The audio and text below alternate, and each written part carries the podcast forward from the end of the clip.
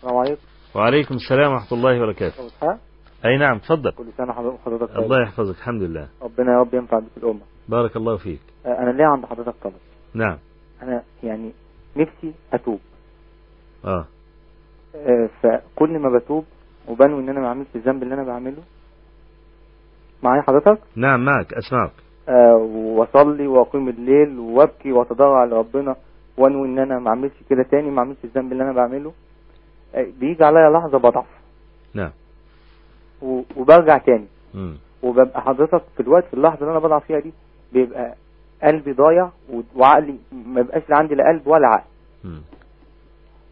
فنفسي حضرتك تقول لي يعني أنا نفسي اتوب ونفسي ابقى كويس لأن أنا يعني أنا الحمد لله عندي حاجة كويسه في قلبي بس مش عارف مش عارف اوصل لها إزاي نعم و- كتير يعني بتوب بيني وبين نفسي وبيني وبين ربنا وربنا بيكرمني وبي وبحس فعلا إن ربنا قبل توبتي بس. أنا يعني يعني مكسوف من ربنا من كتر الذنوب اللي أنا عملتها مم.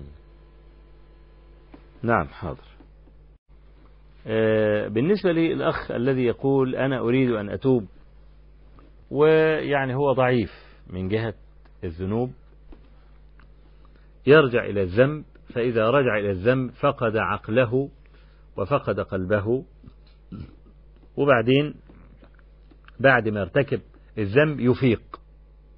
يبدأ رحلة الندم على أنه فعل هذا الذنب.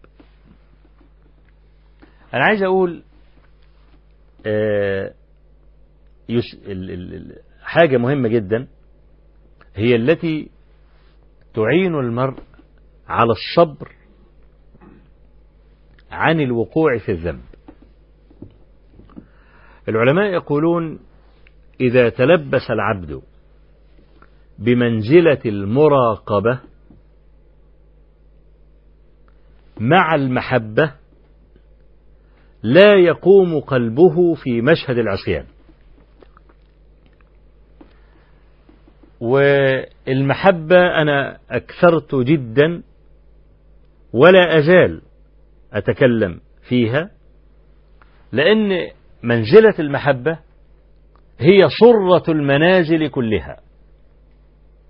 العبد وهو سائر إلى الله عز وجل في محطات بيتزود منها علشان يواصل السير إلى آخر الشوط إلى آخر الشوط.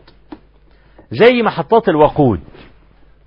تعرف لما يكون أنت مسافر مثلا رايح العمرة الطريق على طول الطريق لازم تلاقي فنادق. وتلاقي محطات وقود عشان تتزود السيارة بالوقود وتلاقي فنادق عشان تقدر تريح وتنام وتلاقي مطاعم عشان تقدر تاكل وتشرب. لو تصورنا أن طريقا طويلا من هنا إلى المدينة أو مكة ليس فيه محطة وقود وليس فيه فندق وليس فيه مطعم ده يبقى طريق مهجور لا يمكن لأحد أبدا أن يسلكه. ومن سلكه مات. إن لم يكن تزود آه، تزودا خاصا. كذلك العبد.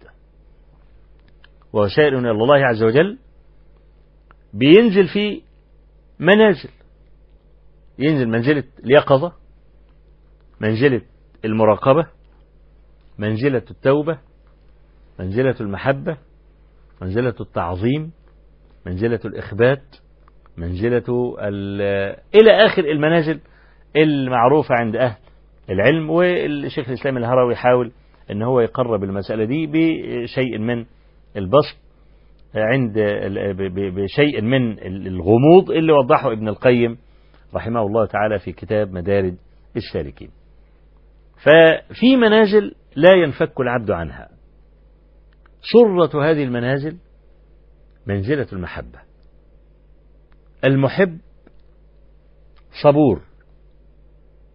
والصبر عن معصية الله عز وجل من أجل أنواع الصبر. تعرف الصبر؟ آه، أنواع. منها الصبر عن معصية الله. ولا يستطيع العبد أن يصبر عن إلا إذا كان هناك حاجز. الحاجز ده اللي هو المحبة. كما فعل يوسف عليه السلام. لما حدث بينه وبين امرأة العزيز من الشد والجذب والكلام ده قال معاذ الله إنه ربي أحسن مثواي إنه لا يفلح الظالمون. دي بقى منزلة المحبة دايما تكون مربوطة بمنزلة الوفاء. الله عز وجل الذي خلقك ورزقك. وأعطاك الصحة والعافية. وأعطاك المال. ورد عنك خصومك.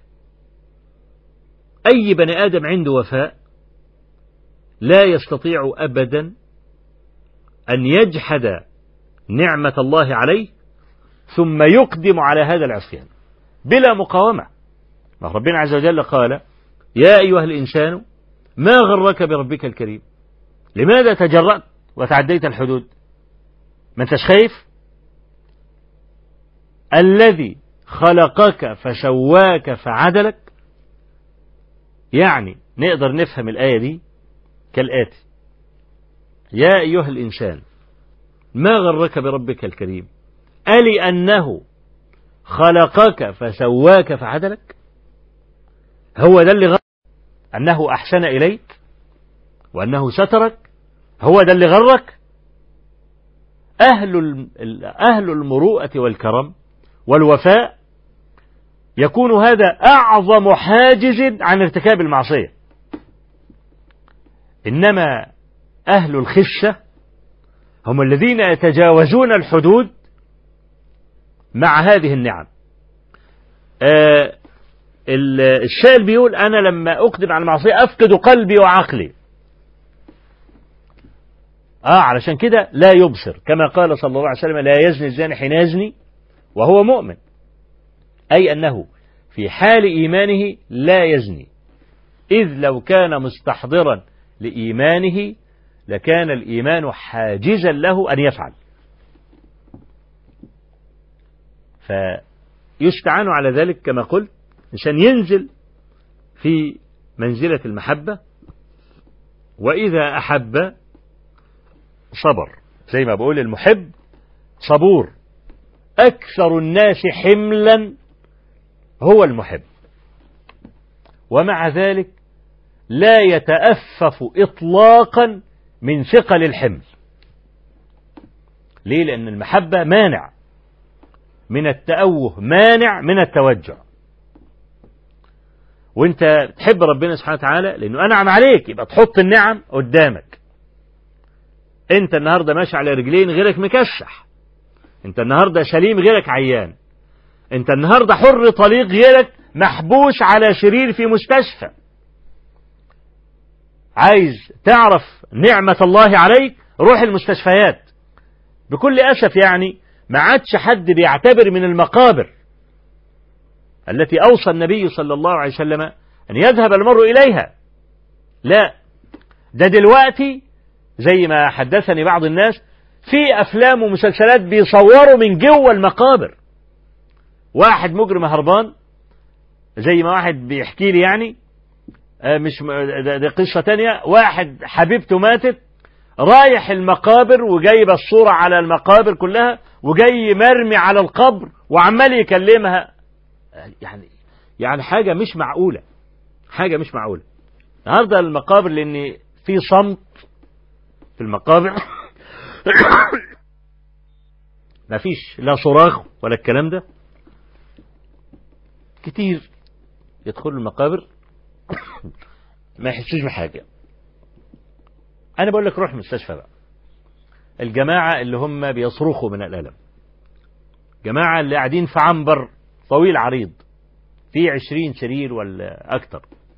لا عارف ياخد حريته. وكل سرير من ده جاي له 10 15 يزوروه. الخصوصية نفسها راحت. لو كانت امرأة مثلا مش عارفة تنام لو كان رجل مش عارف ينام ومحبوس في السرير ده أربع سنوات وخمس سنوات وست سنوات. لما تلاقي بقى إن أنت حر طليق ومعاك حريتك أو على الأقل معاك فلوس لو أنت مريض تاخد أوضة لوحدك. مثلا تقفل عليك الباب. لا. ده بقى ما يقدرش يعمل حاجة زي كده. أول ما تلاقي الكلام ده تنظر إلى نعمة الله عليك.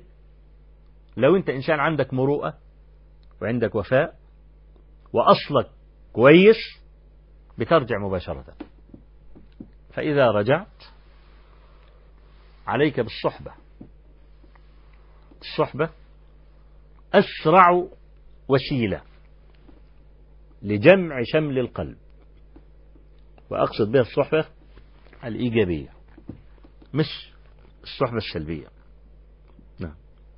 الكلام الحقيقة طويل في المسألة دي وأرجو أن أبسطه إن شاء الله في موعد آخر.